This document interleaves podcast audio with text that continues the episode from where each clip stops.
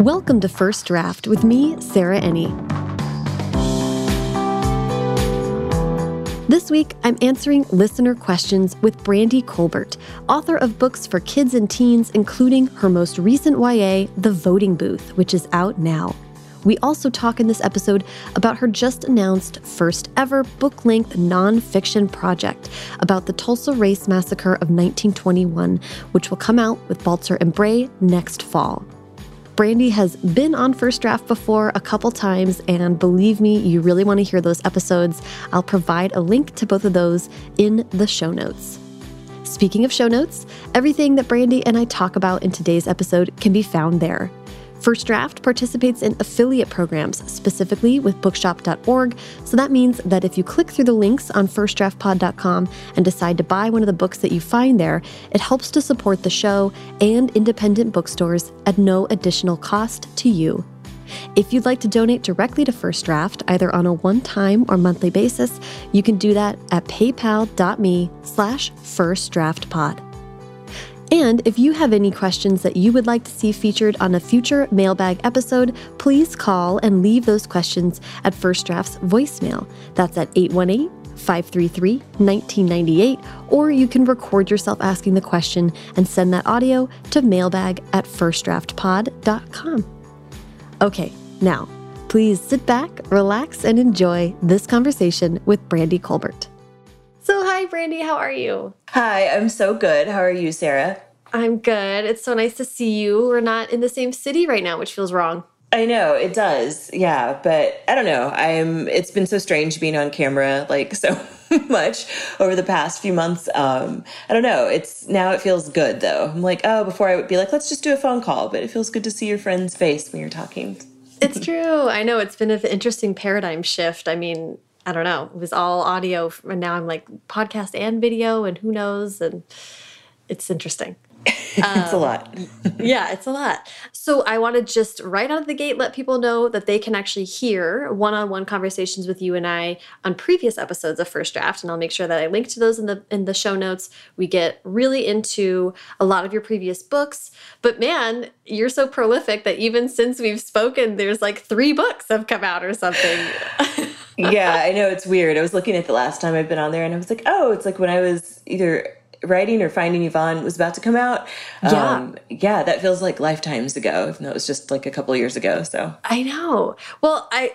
I, am uh, we have questions from listeners, but if you don't mind, I'm just going to jump in with a question of my own because it, I was really, you know, you and I have, when I moved to LA, I lived with you. You and I have a personal history, which, oh, by the way, also feels like a zillion years ago, but it was only like five or six years ago. it does. Um, but I wanted to ask because I was looking at your resume, which now has Pointe, Little and Lion, Finding Yvonne, The Revolution of Birdie Randolph, The Only Black Girls in Town, The Voting Booth, and you just announced your first, well, and that's not even counting all of your anthologies and the book you, um, for young adults that you wrote of, with Misty Copeland.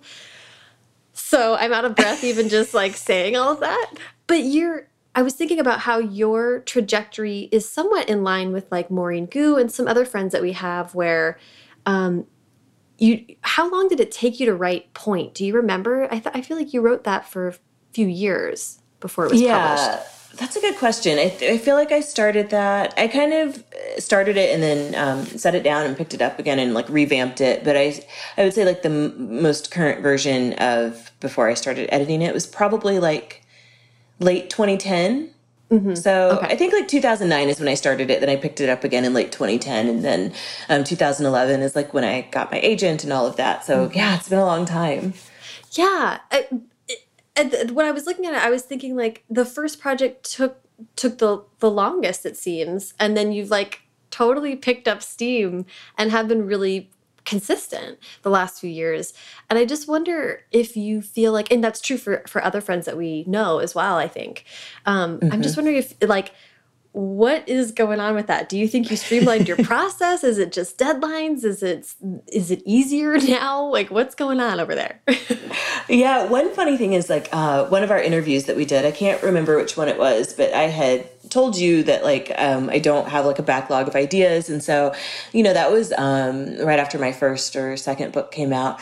But then I don't know what happened. I had three years between publishing Pointe and Little and Lion, and then it's been a book a year since then, and now you know two books this year.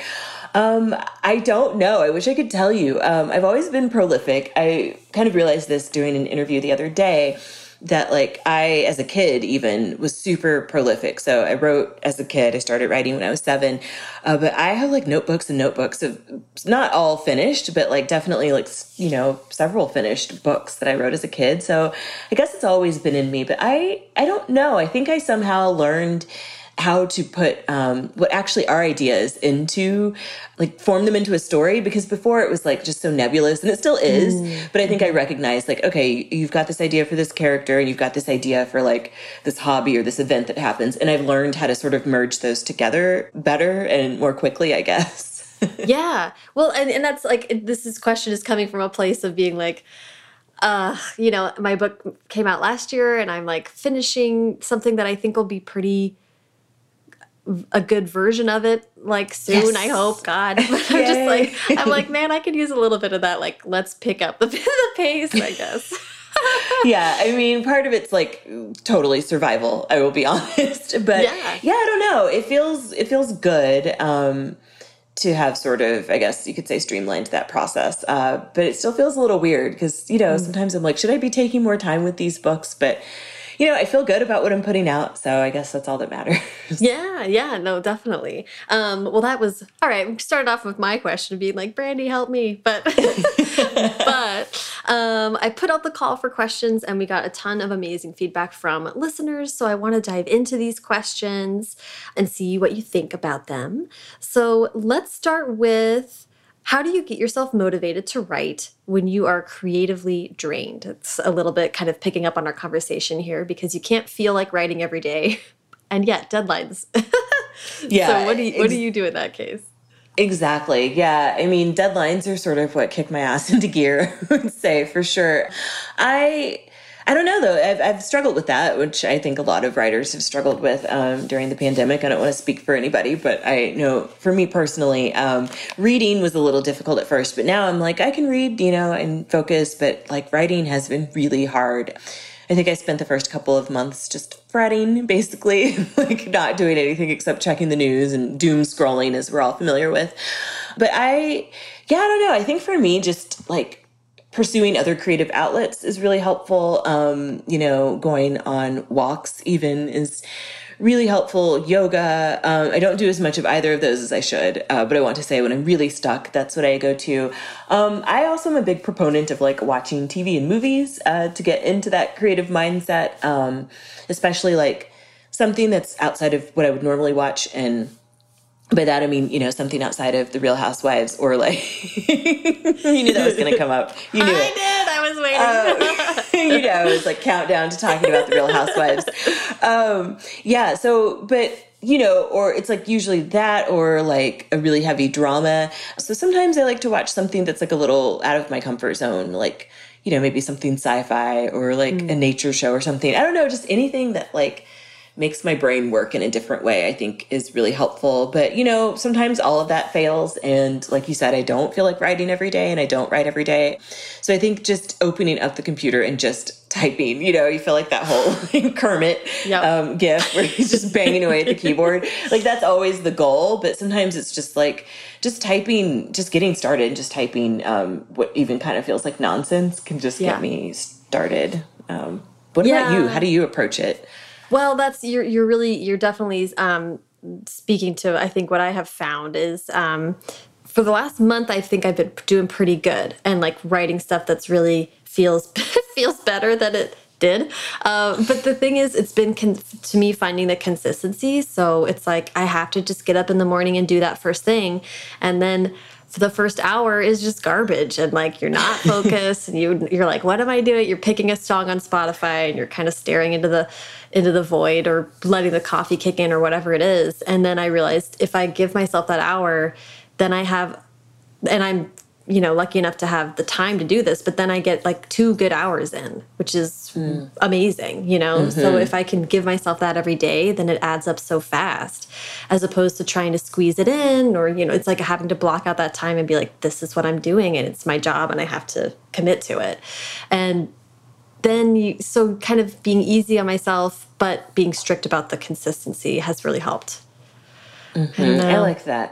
I know. I feel like um, they always say every book is written differently, and I've always been like a night writer, but now I'm like, I don't know. Maybe this is like a daytime writing thing. Um, morning, my brain is too fuzzy. We all know that. So, um, but yeah, I don't know. So I've been trying to sort of explore.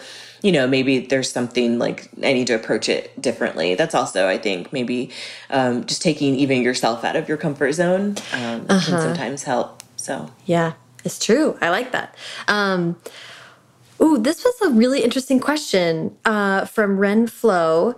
Any tips for writing distrust to trust slash growing friendships? How do you approach that? I thought that was an interesting spin on the love to hate romance or whatever, or yeah, hate to love totally. or whatever it is. I, I love that so much. Um, Gosh, I would say I'm trying to think if I've done that in any of my books. I don't know. I feel like everyone's like super distrustful in my books because there's always a bunch of slime balls running around.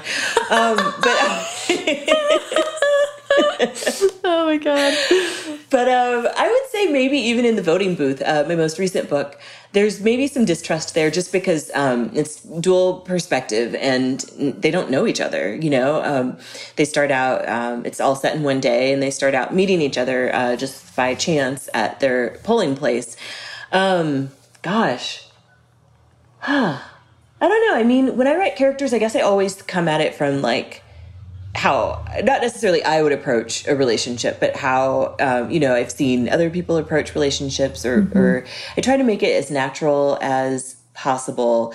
But yeah, you don't want to go too far where it's like they totally hate each other. Like it's just sort of um, distrust. So I don't know. I try to approach it like how I would sort of interact with someone I just met, which is like cautious. Mm -hmm. um, not revealing too much information right away, sort of, you know, protecting your heart, even if it's just a friend, you know, I think you still protect your heart with, um, you know, platonic relationships. Um, gosh, what else? I mean, you know, the character doesn't know what they don't know. So I think that's sort of helpful um, in kind of crafting that relationship. They're, they're going to, like I said, protect themselves, but also sort of want this other person to give information and yeah. sort of reach out cautiously. I don't know. Um, what do you think about that? Yeah, this was a this was an interesting question because I'm a little bit doing that right now. It's it's like a, a um, I just said it wrong, but it was the the hate to love. Is that what it's called? What what we? What's that trope? I guess that is. I don't know. Enemies to lovers. Is that what it is? Enemies to lovers. Yes, I know. It's like it's it's right it's, there. Yes, that's it. I'm like too strong. Um, I'm a little bit doing that right now, which is as you say, like it can be a romantic relationship or it just can be friendship. I do think what I've noticed and what where I've been kind of tweaking is like depending on where you want them to end up, you can't be too far. Like in a book, you can only, you know, this isn't like 100 Years of Solitude. I'm not doing like a generational story. So it's like in a matter of a couple months, how far can one relationship really progress? So you can't start, I would say, if you're starting from a place of total distrust, you have so much more work to do to get to a place of trust. And if you want someone in the end to fall in love, then at the beginning of the story, you can't have something disqualifying happen like mm. that makes your reader completely not interested in there being a reconciliation there you know i mean i'll make myself very unpopular and use um, veronica mars as an example because i watched that when i was a grown-ass adult and what logan does at the beginning of that series i found so disqualifying that i have no interest in watching her fall in love with him and i know mm. that puts me in like the minority of people who watch that show but i was like I, he can't recover for me. So I've been really mindful of that in writing it. Like you, they need to have misunderstandings, and and then what makes you build trust with someone is vulnerability, right? Mm -hmm. And like sharing things that you might you start by sharing basic things and you get then to the point where you feel like you can share things that are a little less comfortable or a little more embarrassing or mm -hmm. or difficult and i think you then you if you can pinpoint those moments of sharing you will earn like you know then the reader wants to know more and when characters are vulnerable with each other it just um that's how you can kind of then take your next step plot wise because you've earned it, I think. Yeah. Oh, I love that answer. That's like such a perfect answer. That's great. well, I, well, I hope I'm doing it right because so we'll see if it, we'll see if it translates. But um, yeah, I thought that was a good question because I don't think we talk, especially phrasing it that way as a platonic relationship and friendship. Um, we don't talk enough about how to develop that over the course of a book too. Mm -hmm. Um, how do you? Oh, this was a question that I was like, Maya uh, Maya Kanga or Kanga, uh, such a good question. How do you keep writing a book after the version of you that started it has evolved? Oh that my is, gosh. Like though she she was like I admired that. I was like, dang, that is a really good question. I'm going to steal that. yeah, totally. I don't know. I think that for me, that's like sort of why we have drawer novels, you know, like the novels that will never see the light of day again. I think because I have had uh, so many back to back contracts with really quick deadlines, I actually haven't run into that. I've really kind of felt like the same person, you know, while writing from beginning to end and revising but you know, thinking about taking a break from work and going back to have looked at it, um, I don't know. Sometimes I still feel like, wow, like there's so much more valuable uh, sort of writing and information in here than I realized. And I'm kind of su surprised it passed me, I guess is what I'm trying to say. Like, oh, she had more insight than I thought. Um, but you know if you're picking up something that you really feel like wow i've evolved since then um, i think for me i would start over um, you know and that doesn't mean that you have to start over with the characters um, or even the plot but you know i think if you feel like you've evolved then there's going to be you're going to approach even the way the characters behave differently than you would have in the past um, when you were first working on it. That might mean more than just starting over. But yeah, I think I would just do like a page one rewrite, just start fresh, think about what I had on the page uh, before, um, but really kind of start sort of kind of trick myself into thinking that I'm starting, you know, fresh. Um, but meanwhile, it's like I have been marinating on these characters and they did have a former version, a former life um, before this draft. Um, yeah, how yeah. do you approach that, Sarah? Yeah, that's, I, I totally agree with what you just said. And I think you, we're both revealing ourselves as pretty ruthless edit, editors of our own work because I also would just like just open a new Word document and go for it, which is a terrifying thing to tell someone. but um, but I think I mean I I have had that experience with the book I'm currently writing and dear God, please fin finally finishing is I've, is something I've been working on since 2012. So I'm a completely different person. Oh wow! Um, and what has happened is the characters remain the same, and that's what always has and always will like pull me to this story but what happens with them, though on the surface it seems like it's really similar, everything underneath has changed. And also the theme of the book and what I'm really taking from their growth is really different. So I've just been kind of, I've tried to stay brave about changing things when it doesn't feel right anymore and trusting, trusting that either it's going to work and the characters are going to pull me through or that I'll know when it's just not gonna work anymore. Like you said, the drawer mm -hmm. books are the ones where you're just like, it's not serving me anymore, and I gotta just move on. You know. Mm -hmm. How do you feel about going back and looking at books that now are published and done and on your shelf, and that you're a different person than the person that wrote those books? Yeah, that's kind of where my mind went uh, when I heard this question. Um, yeah, it's really weird for me to go back and reread um, some of my work and I'm just like, ah, and I kind of forget what I did or, you know, I don't know. Like when I go back and reread, um, especially Little and Lion, I'm kind of like, I don't know about this book, which is funny because people like that's the one that people seem to have connected with um, the most, like in mass. And, you know, I'm super appreciative of that. And I'm really glad if it can um, you know, help anybody feel more seen or anything, but I just don't feel connected to it. Maybe because mm. I wrote outside of my experience so much, and now there's people who you know, are writing within that experience who are doing obviously a much better job than I would be as an outsider to, you know, say like the LGBTQ community.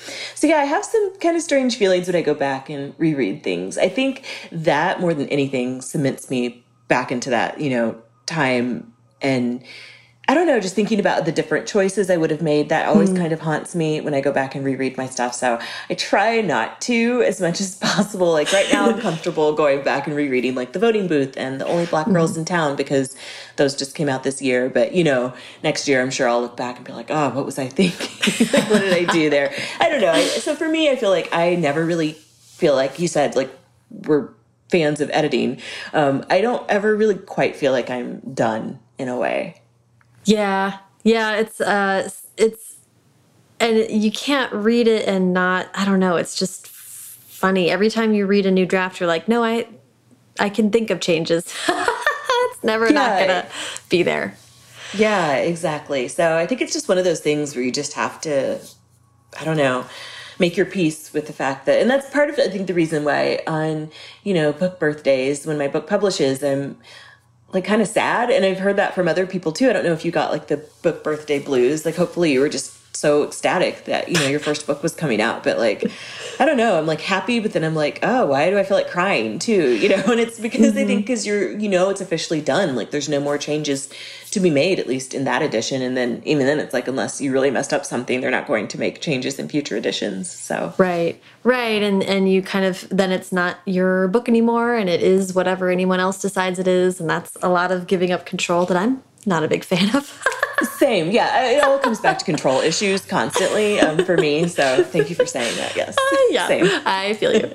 Um, yeah, I really, uh, especially when someone like you who now has this kind of like library of your own, it's interesting to think about looking back and just even visually being like a past self is still living with you in some way. But it is a beautiful mm -hmm. thing too, too, though, to see all the books together. It's very oh cool. yeah, I, I love it. I would not give it up for anything. So yay. Um, Okay, this was a question from Twitter from Aaron, and Aaron was asking, how do you know when to push back on your agent slash editor's critiques? It's a good question, and actually a lot of, I think, newer writers have this question, especially people who maybe haven't spoken to an editor before and are nervous about it. yeah. I think I feel like when um, I was starting out, I thought I had to take everybody's edits. Like I thought it was just like almost like they were my teacher or my mom and like, you know, like my boss. I, I didn't understand that like it's still your book and, you know, you can do whatever you want. And so I had a pretty rigorous editing process for my first book, especially. Um, that was like rounds and rounds of edits. And, um, you know, I did agree with most of those edits, but anytime I didn't, I could always tell, like, I would feel it in my body. I would feel uncomfortable, like, this doesn't feel right, even if I would try it, you know, which I think it's always worth kind of trying it if you don't mm -hmm. immediately disagree with it right off the bat. I think it's always worth trying if you have the time to see possibly, you know, they didn't just suggest it out of the blue. This could possibly make it better. But if it's not right, I know when I'm reading over it. Um, like I said, I feel it in my body. I just feel uncomfortable. It's like this nagging sensation that something's not right here. Um, mm -hmm. So I think, yeah, I just think you kind of have to go with your gut, which is, you know, um, kind of a cliched, um, kind of nebulous advice because it just feels like, well, how do you know? But you know when your gut's telling mm -hmm. you something's wrong. Um, and yeah, so I think that more than anything is when I follow my gut, but I will try it if I don't really strongly disagree with the note because I think it's always worth trying to just see if you can understand, you know, where that person was coming from and if it might make the book better because we're not the most, you know, uh, objective people when it comes to our own work and can sometimes be hard to see uh, what we're doing that's not working. So how do you yeah. know um, that feeling? Do you get that like gut feeling too? Yes, totally. And that's, and it's sort of like, you know, I appreciate you saying like it is hard i think to for people to hear the same thing over and over again and be like but what does that mean and like the truth is it's an instinct and you have to develop that instinct so i don't think that you you have to learn how that feels and i think that means you have to go down a bunch of dead ends as a writer mm -hmm. and be mm-hmm. like oh this feels like that one time when i changed chapter two and chapter two didn't need to be changed yep. um, and you can kind of then recognize that. And so you that does get easier i think with experience.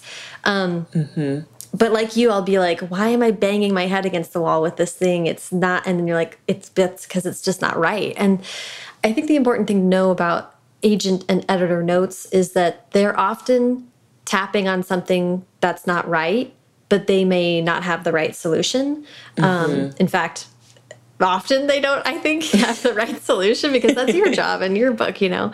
But they are if they're if they're tripping over something then it's worth paying attention to and either making it more clear or changing it a little bit or just thinking overall what it what it feels like. And that might you might get a note and need to like take a couple days with it and let yes. it sit Yeah, I was just gonna say, like, I definitely get super defensive about edits, even though I know they're obviously this is someone who spent the time and energy to edit my book. Like, obviously they care. Um, but yeah, I get a little bit defensive, so I might need to sit on it instead of just being, no, I'm not doing that, you know. Um, but then, like, I like what you said about um, they're tapping against something. It may not be that exact thing they pointed out.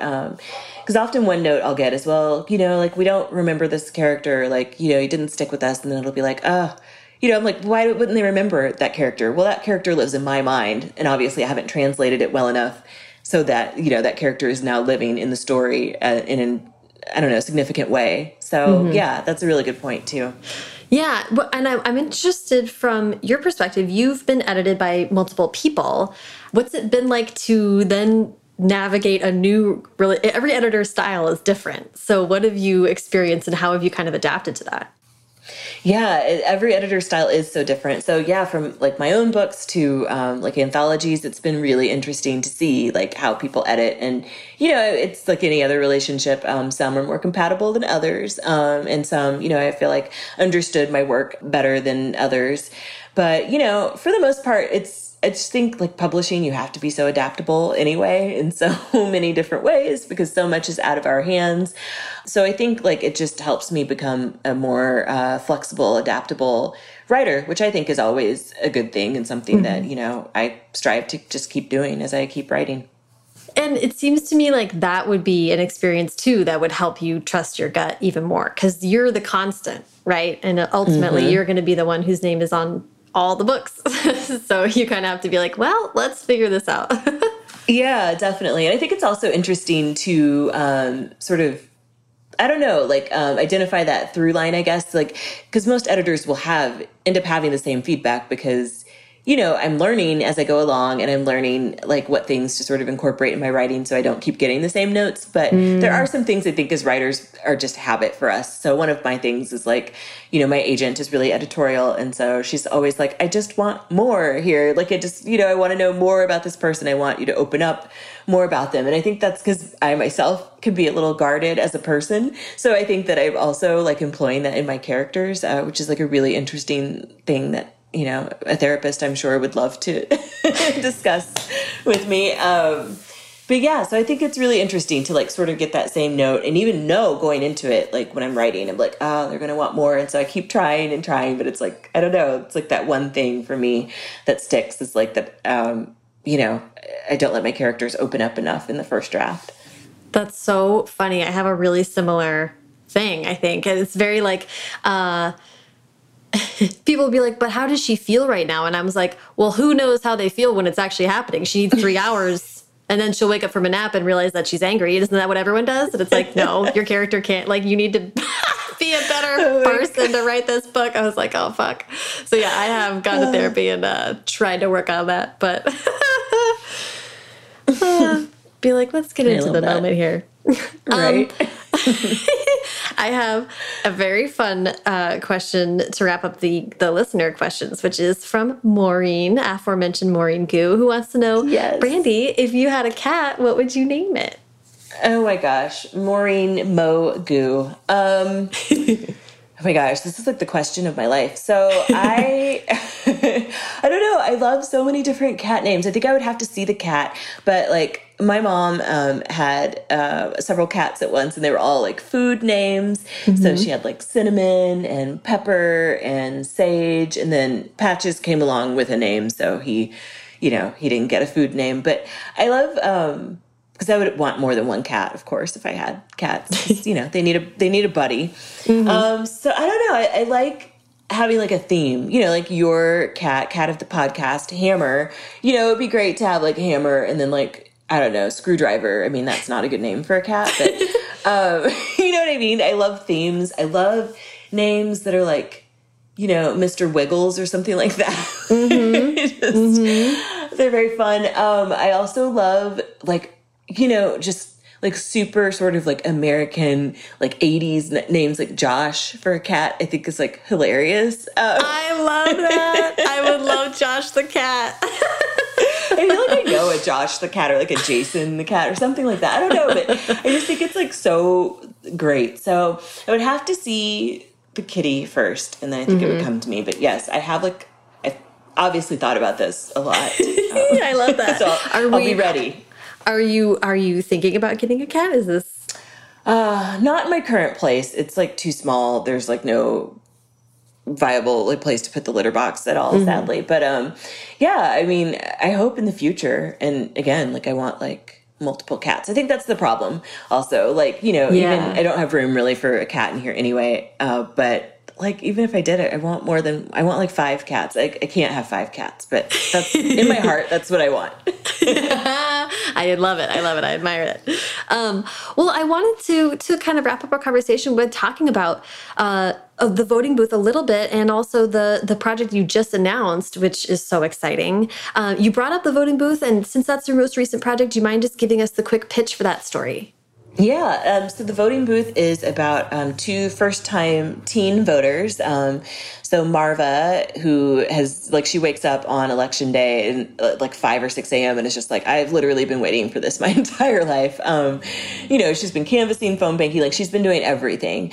And then Duke is the other person, so it's dual points of view. And Duke is he comes from like a politically minded family, uh, but he's mostly voting because of that. Like he knows it's his duty, and also sort of to honor his late activist brother.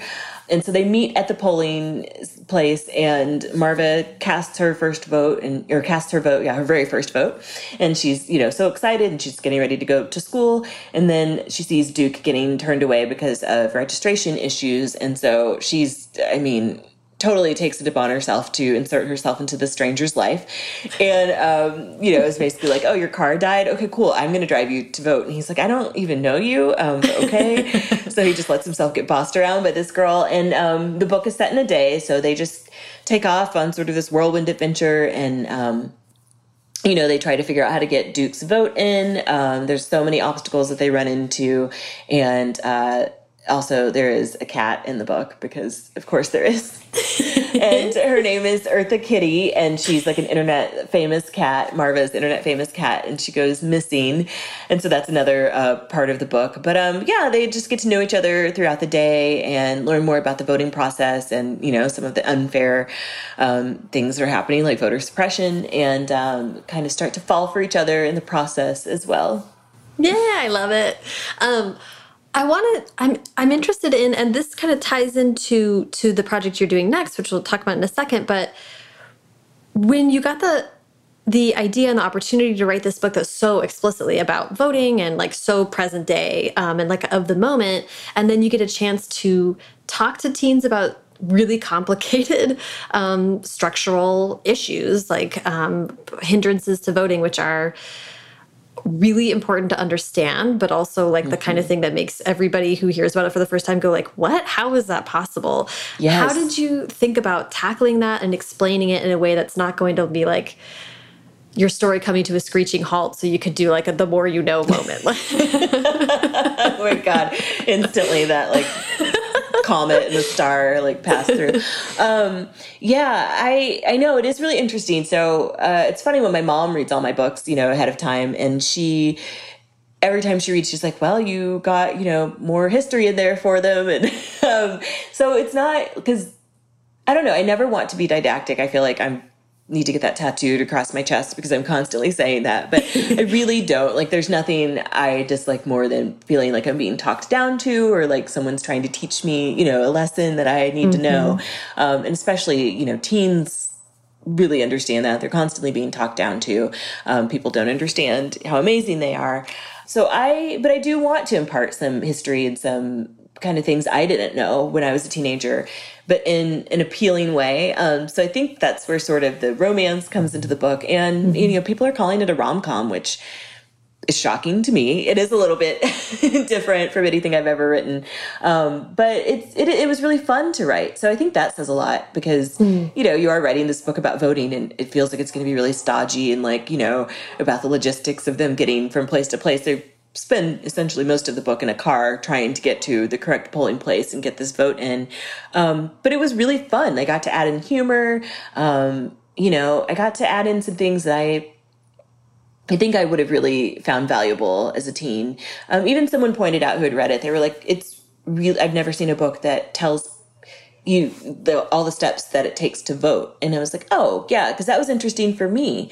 You know some people have the privilege of going with their parents uh, or their guardians mm-hmm. to vote when they're younger but some don't and so they might not know what it looks like. So i just tried to sort of approach it i think through like the fresh eyes you know of a teenager which i'm trying with all of my work but just how that would be sort of exciting because you know it's yes you're doing your civic duty and it's like a responsibility but it's still something new and it's like oh, this is like the first time you've ever been able to like actually submit a vote um, and know that your vote, your opinion is going somewhere. So I just, mm-hmm. yeah, I think sort of that freshness of YA was really helpful in a story like this uh, for writing for teens. Yeah, I love that. And and as you say, I feel like that's what we the the the science around it shows that people are more likely to vote if they've visualized it. So like what better mm. way to to visualize it than to have a whole story and like be, you know, be there with your characters and be like, now I when I think about voting, I I have some frame of reference, you know. Yeah, um, hopefully it makes it like a little less scary too. Because I'm still a little nervous. I don't know about you, but when I go to vote, I'm like, ah, I just get like nervous. Like even though I've done it, you know, yeah. several times over the last 20 years, it just it just makes me anxious. and I I like looked at the sheet and was like, am I reading it right? Am I filling yes. in the right bubble? Like I'm so nervous yes. about that. every time, every time. like, oh, once you do it, you can't take it back. Um, uh, let, so I, I do want to. That kind of leads us to the project you just announced. What what can you tell us about this? Yes, uh, so I'm still writing it, uh, but it is the it's a nonfiction book for younger readers. Uh, we haven't quite figured out because again I'm still writing it uh, if it's going to be like crossover middle grade YA or just YA. Um, but it's about the Tulsa Race Massacre of 1921. So we are coming up on the 100th anniversary of that next year. But I feel like so many people, myself included, knew nothing about it until the last five to 10 years. Um, it's really something that Oklahoma and, you know, the city of Tulsa tried to hide. Uh, there's residents there who grew up there didn't even know about it until recently. So I'm really, you know, it's really harrowing subject matter. It's the research is really you know not it's fun from a research perspective you know as a fellow journalist like you understand that like when you come upon new information and, and find um, research that's going to help fill out your work but gosh it's it's really devastating um, just this for anyone who doesn't know it's about um, this really they called it black wall street it's the successful district called the greenwood district in um, tulsa oklahoma and in 1921 um, after alleged, you know, rape accusations um, against a young black man. The white community crossed the train tracks and went over to this district and essentially set fire to it. Um, there were like, I don't know if I'm going to call them bombs, but some sort of like bullets, weapons uh, coming down from airplanes. Like this community who did nothing wrong uh, were completely driven out. Um, many, many people killed, uh, displaced from their homes, their businesses. Uh, so it was really devastating. And, um, you know, it wasn't talked about very much and it was kind of hidden. But in recent years, uh, people have been trying to talk more about it. And there are a few books about it. Um, and there's even a YA novel coming out next year. I'm horrible with titles. I don't remember what it's called, but it's by Randi Pink. And so that uh, will be a historical novel. But um, I'm super excited to get to write a nonfiction version of it. Um, I was a kid who thought I hated history class because essentially it was the way it was taught to me. Um, first of all the subjects that were taught very white centered um, really didn't focus on any kind of black history except for the month of february. And even then you know it was just the same people martin luther king rosa parks and not even telling like the fullness of their stories um, really sanitized versions.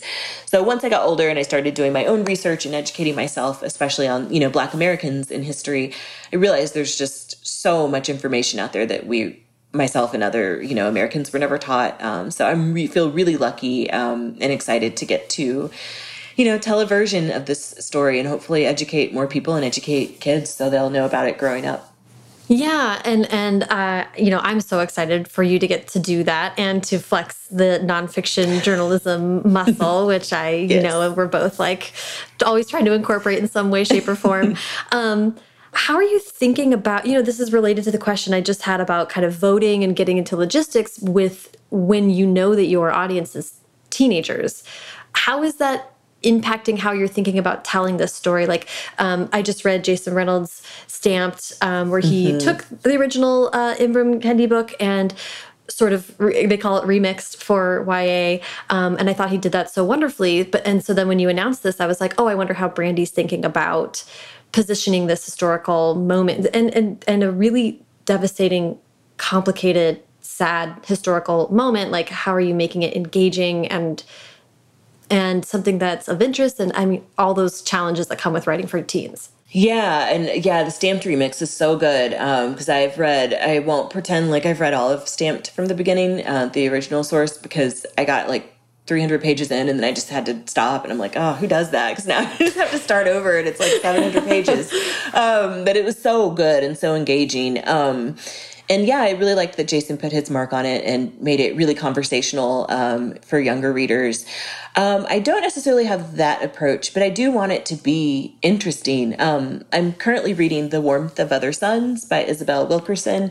Um, you know, I'm like 10 years late to that, but I have been hearing about it literally since it came out. Um, it's the story of the Great Migration, for anyone who doesn't know that, um, of Black Americans, you know, in the early 19 early to mid 1900s um, millions of black people left the south and went to the north and the west and the east coast to just you know have better lives. Um, and so that book is a true like masterpiece of nonfiction. I've never read anything like it. It's so the way it's done the narrative structure is just you know she follows three people um, who were part of the great migration and you know didn't know each other but it, it feels almost like fiction. And so I you know, I don't know if I'll be able to pull off anything like that, but I really I do want to make it super accessible um, to young mm -hmm. readers. I want them to be interested, not just feel like I'm throwing facts at them. Mm -hmm. um, I want to be able to tie together some things from today to the past because you know the past always informs the present. Um, so yeah, I'm just really hopeful that I can make it as engaging as possible um, with not only the style of writing uh, but the structure of it um, and you know popping in some tidbits. And you know i'm learning so much um, so i think that's also helpful. It doesn't feel stale in any way. It mm. feels like i'm learning along with the reader as i'm writing it. So that feels really uh, fun and good yeah, that's so cool.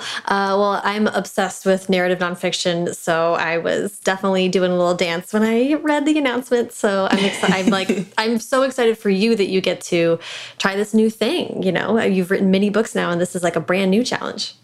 Yeah, I mean it's really really scary. Every morning I wake up and I'm like, oh, like, okay, I got this big responsibility. But you know, um, I feel so fortunate to be the person to get to do this. Um, I grew up three hours away from Tulsa, and you know went there quite a bit as a kid, and it always felt like um, a safer space in the Midwest because um, the Midwest is essentially just you know. A few larger cities in each state and then a bunch of rural areas. And so it didn't always feel safe to grow up there. Even in my own hometown, it didn't always feel safe. But like knowing that that was so at odds with the history of that town, I think is also a really interesting um, perspective. So it's it's been yeah a challenge, but like really interesting, and I I think I'll definitely be a better person for it after having worked on this book. Yeah, well, as, as someone you know, being familiar with Tulsa also I can't not help the book. I think being a Midwesterner and know and having a sense of the place, it's it's helpful in every in fiction in every uh, writing endeavor, but especially in talking about this and being able to contextualize it. Like that's so important. So, mm -hmm. um, so I I will we'll just have to talk about that when it comes out uh, in yes, fall 2021. yes, please. I would love that. Ah, that's so. Um, that's so exciting. I we I don't have any more questions. I could talk to you all day, but um, we gotta we gotta wrap it up. But is there anything else that you have going on that people should know about? Um, nothing that I can say on record. I will tell you as soon as we um, stop recording. Okay. so there's there's your tease. But yeah, I have uh, several more things in the works. Um, so you will see more from me, uh, hopefully in each uh, space that I've been writing in. So excellent. and people should people should check out the voting booth. I can't think of a better book to put in the hands of teens, especially right now. Uh, we're coming up on 100 days to election day. Get out there read about voting, talk about voting, live voting. let's, yes. let's, do it. yes, uh, please. Yeah. Thank you so much for joining me today. Of course. Thank you for having me. This was so fun. And thanks to everyone who submitted questions also. Yeah. Thank you guys. Thank you so much to Brandy. Follow her on Twitter and Instagram at Brandy Colbert, and follow me on both at Sarah Enni and the show at First Draft Pod. If you're an aspiring writer with questions about the business, or a seasoned vet with questions about the business, like most of us, then be sure you're listening to the Track Changes podcast series that has been appearing in your first draft feed the last few months. The most recent episode was a bonus episode looking at inflection points where systemic inequality is perpetuated in publishing. And how bad has it gotten, and what can we do? You can find all those episodes in a row and listen to them. You can binge them at firstdraftpod.com slash track changes. And there you can also sign up for the Track Changes newsletter, which is a newsletter I send out every Thursday, sometimes Friday, uh, which has a lot more background on the research that I did for this project, a lot more details and some context for the publishing industry for people who uh, can never know too much. If you're like me, that is you, and uh, and that's that's what it's here for. A quick and easy way that you can support First Draft is to subscribe to the podcast wherever you're listening right now. And if you have a couple minutes, leaving ratings and reviews is so helpful, especially on Apple Podcasts. There's some algorithmic magic that I don't understand, but it really does boost the show and get it in front of new listeners. Haley Hirschman produces First Draft, and today's episode was produced and sound designed by Callie Wright. The theme music is by Dan Bailey, and the logo was designed by Colin Keith. Thanks also to transcriptionist at large Julie Anderson. And as ever, to you Logan Standers, I'm sorry. Thanks for listening.